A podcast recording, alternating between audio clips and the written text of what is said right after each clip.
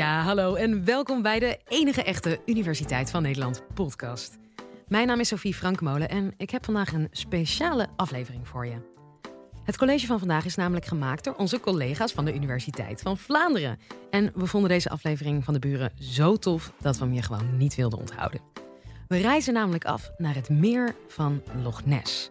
En we kennen natuurlijk allemaal de mythe. In die diepe Schotse waterkrochten zou een monster schuilen. Marinegeoloog David van Rooij van Universiteit Gent legt uit waarom dat monster nog altijd niet gevonden is. Dit is de Universiteit van Nederland. Stel u even voor. Het is een donkere avond. Je hoort bladeren ritselen. En dan duikt er een grote schim op met een of ander beest in zijn bek. 1933. Dat was de eerste keer dat het monster van Loch Ness werd geobserveerd.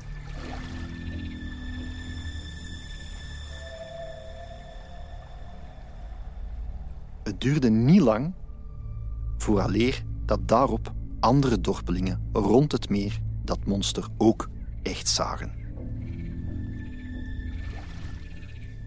Het beeld dat we nu vandaag hebben, is eigenlijk het beeld van een zwemmend monster. En dat komt vanuit 1934 van de beroemde doktersfoto, waarvan dat we nu uiteraard wel weten dat dat een getruckeerde foto was.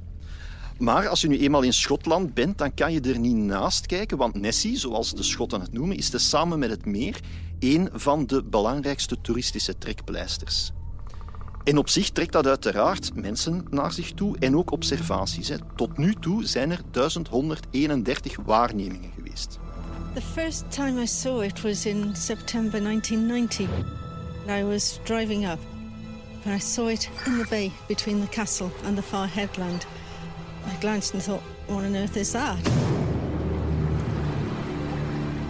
It was just like an, a rowing boat which had overturned in the water, same shape. It was very dark grey, shiny with the water on it.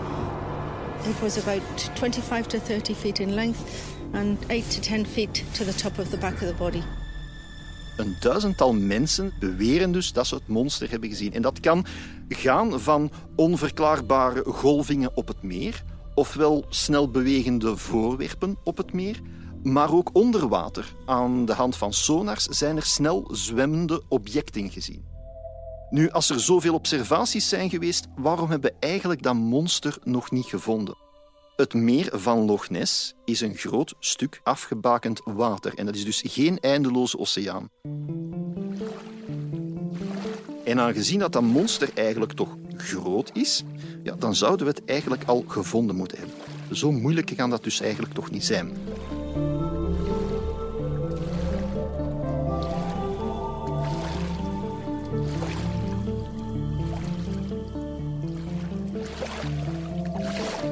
Nu, naast die observaties moeten er verklaringen komen. En daar dienen wetenschappers voor.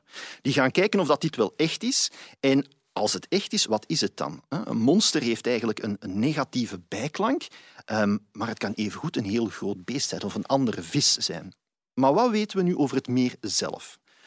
Stel u voor, je hebt een groot rechtlijnig meer en langs beide kanten is dat ingesloten door afgevlakte, maar hoge en beboste heuvels. En af en toe staat er daar een ruïne van een kasteeltje en dat staat dus beeld voor de prachtige en de ongerepte natuur van de Schotse hooglanden. Trek daar nog eens een streepje mist bij en je hebt een prachtige mythologische sfeer. Maar Loch Ness is niet zomaar een meer. Het is eigenlijk het grootste zoetwaterbekken van Groot-Brittannië. Het bevat 7,5 kubieke kilometer water. Dat is het volume van 3 miljoen Olympische zwembaden. Het is 39 kilometer lang, dat is de afstand tussen Gent en Brugge. En het is anderhalve kilometer breed. Dat is zo'n beetje de landingsbaan van een kleine vlieghaven zoals die van Antwerpen of van London City. Het meer is gemiddeld 132 meter diep. Ter vergelijking, de kathedraal van Antwerpen is 123, 124 meter hoog. Nu, het meer zelf maakt deel uit van een keten van meren. Loch Oik, Loch Lochy, Loch Linné. En dat scheidt de Schotse hooglanden in twee delen.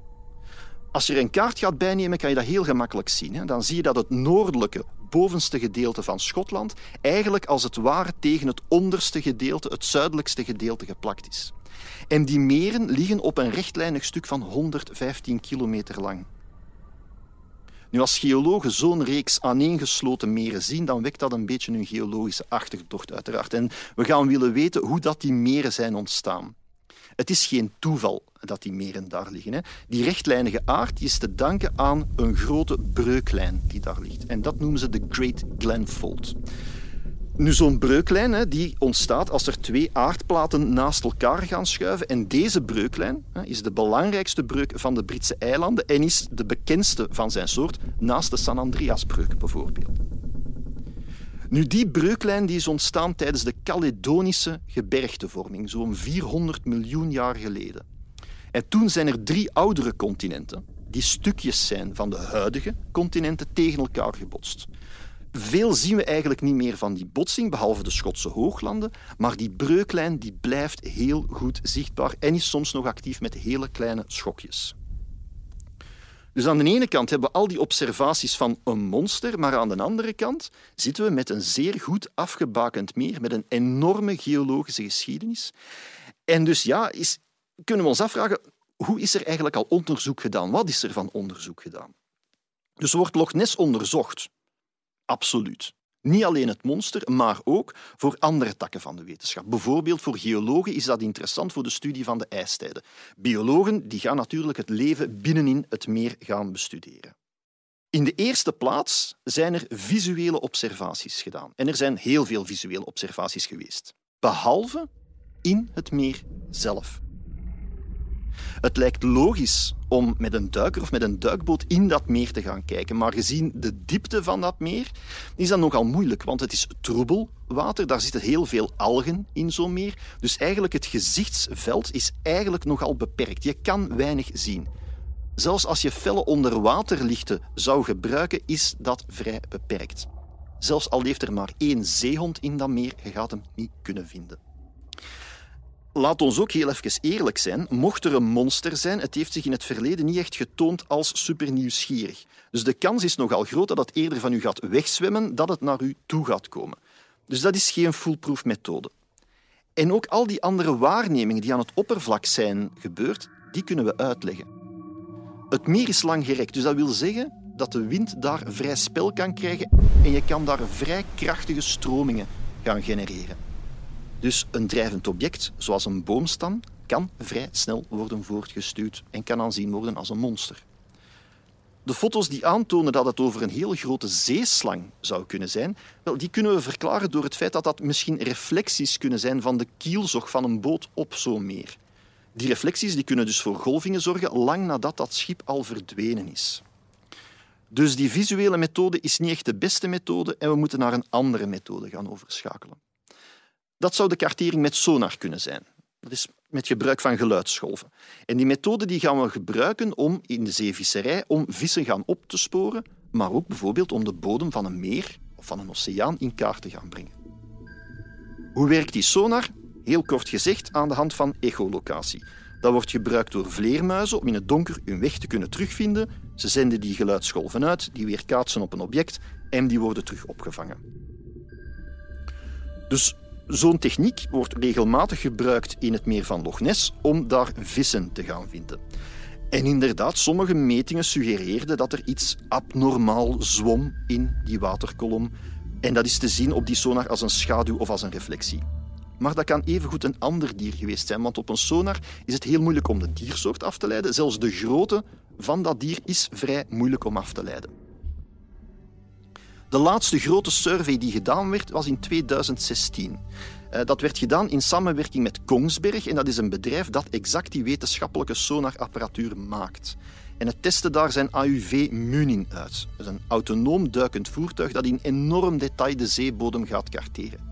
Er werd niets gevonden.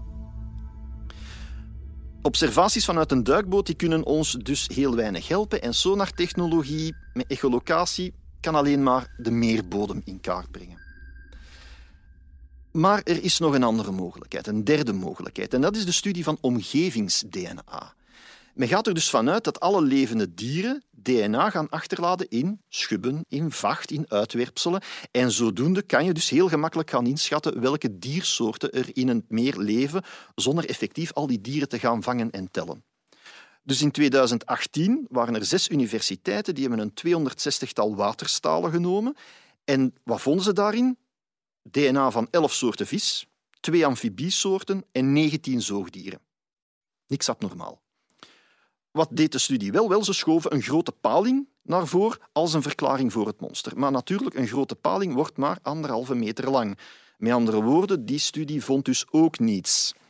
Dus er is nog altijd niets gevonden. En waarschijnlijk, ja, oké, dat betekent dat deze podcast totaal onnodig was.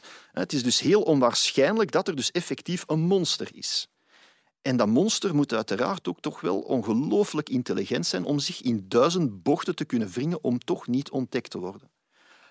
Maar zolang dat er geen 100% duidelijkheid is, zolang dat niet alle stenen in dat meer zijn omgedraaid, gaat die mythe blijven bestaan. Als wetenschapper moeten we er uiteraard ook voor openstaan dat er veel is wat we niet weten. En veel hangt ook af in wetenschappelijk onderzoek van toevalligheden. Een wetenschapper moet durven twijfelen, maar natuurlijk binnen wetenschappelijke reden.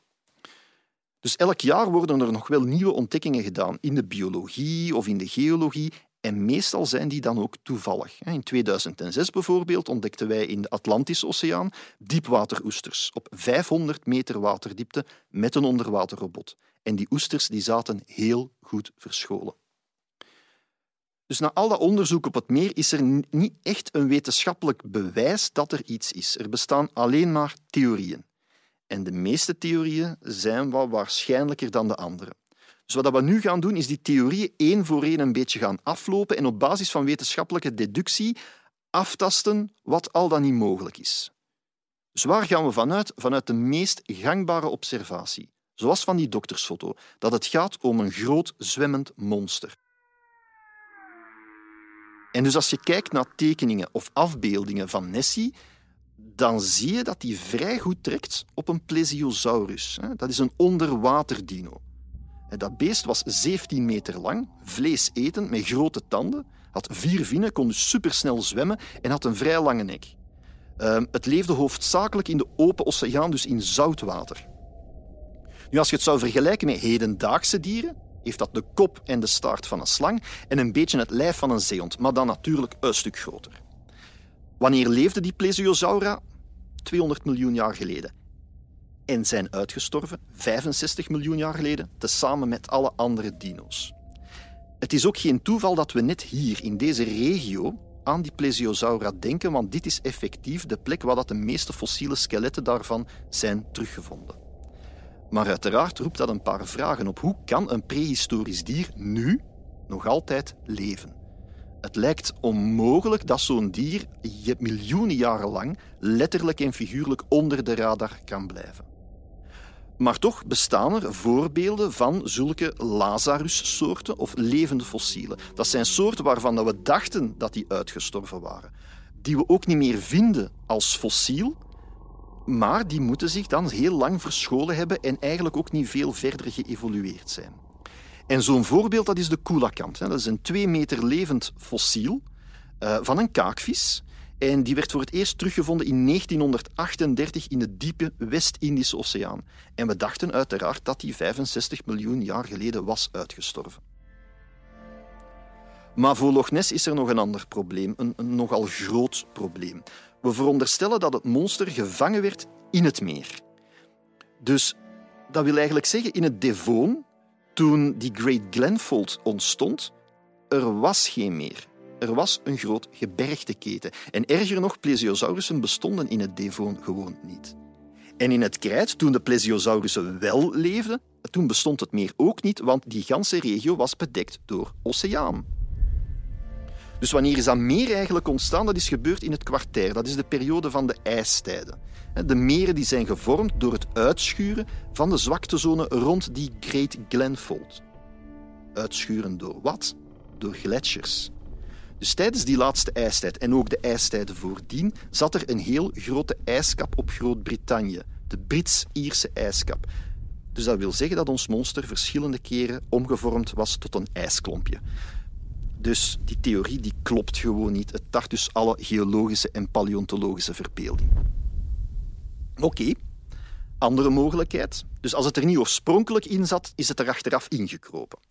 Als Loch Ness een meer was geworden. En dus dat is ongeveer tussen 10.000 jaar en nu. Voor Loch Ness is er uh, een probleem, want er is geen directe verbinding tussen de Noordzee of de Atlantische Oceaan. Dus dat maakt het al wat moeilijker. Maar kom, het is erin gekropen. Loch Ness is een zoetwaterbekken. Terwijl oceanen en onze Noordzee die zijn zout. Dus het zou daar ook niet kunnen overleven. Maar toch hebben we voorbeelden van zoetwaterzeehonden. Die leven in het Siberische Baikalmeer. Maar net daar zijn er genoeg bewijzen van dat die uh, aan de hand van fossielen dat we hebben kunnen zien dat die evolutie doorgaan is. Dus zo'n switch die gebeurt niet zomaar. Daarnaast gaan we er ook vanuit dat het gaat om een zoogdier. Dat wil dus zeggen dat dat regelmatig lucht moet hebben. Maar op zich wil dat dus ook zeggen dat er toch veel meer observaties moeten geweest zijn in dat geval. Dus als we al het voorgaande ook allemaal buiten beschouwing gaan laten, en, en dus ervan uitgaan dat het daar gewoon zit, en we weten dat het al voor de eerste keer gezien is in 1933. Dus als dat toen al een volwassen dier was, dan gaat het nu toch al vrij oud moeten zijn, 100 jaar of, of ouder. Dus hoe oud kan een dier worden? Nu, sponsen die kunnen duizend jaar oud worden, maar bon, let's face it, dit is geen spons. Hè.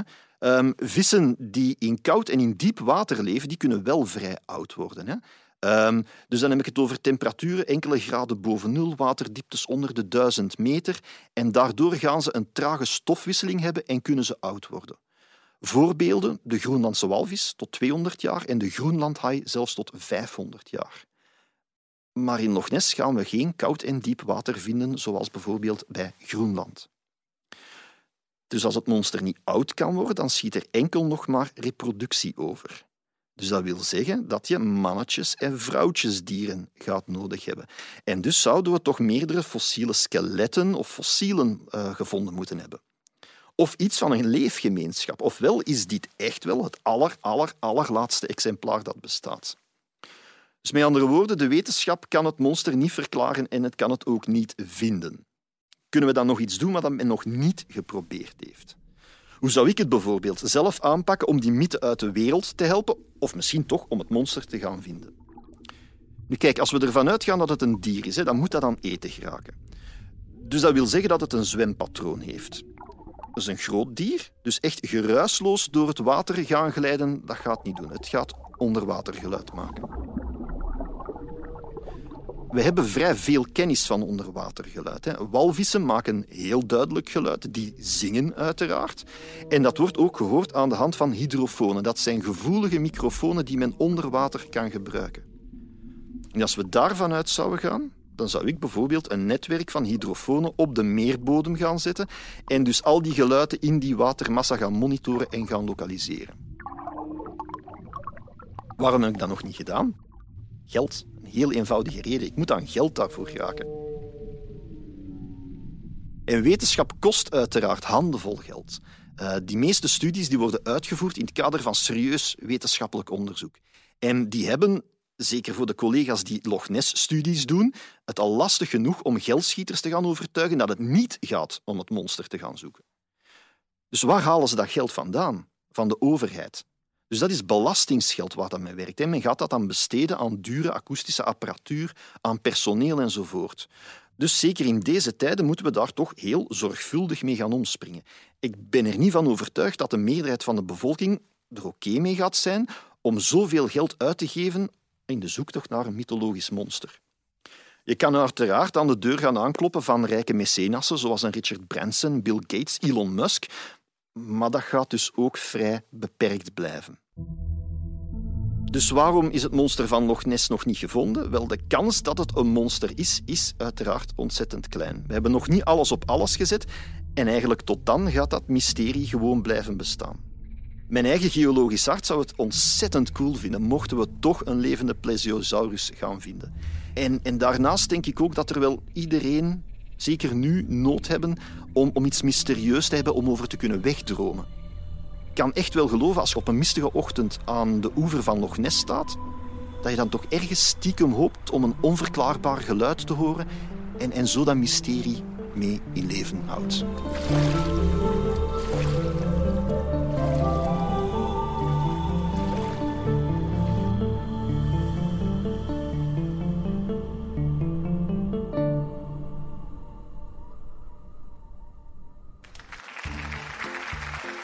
Je hoorde David van Roy. Ik hoop dat je het een boeiend college vond. Ik in ieder geval wel. Check vooral ook de rest van onze playlist, want we hebben nog veel meer colleges voor je in de aanbieding.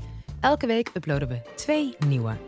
Volgende keer iets heel anders. Dan heb ik een aflevering voor je over politieverhoren en valse bekentenissen. Oeh, tot dan.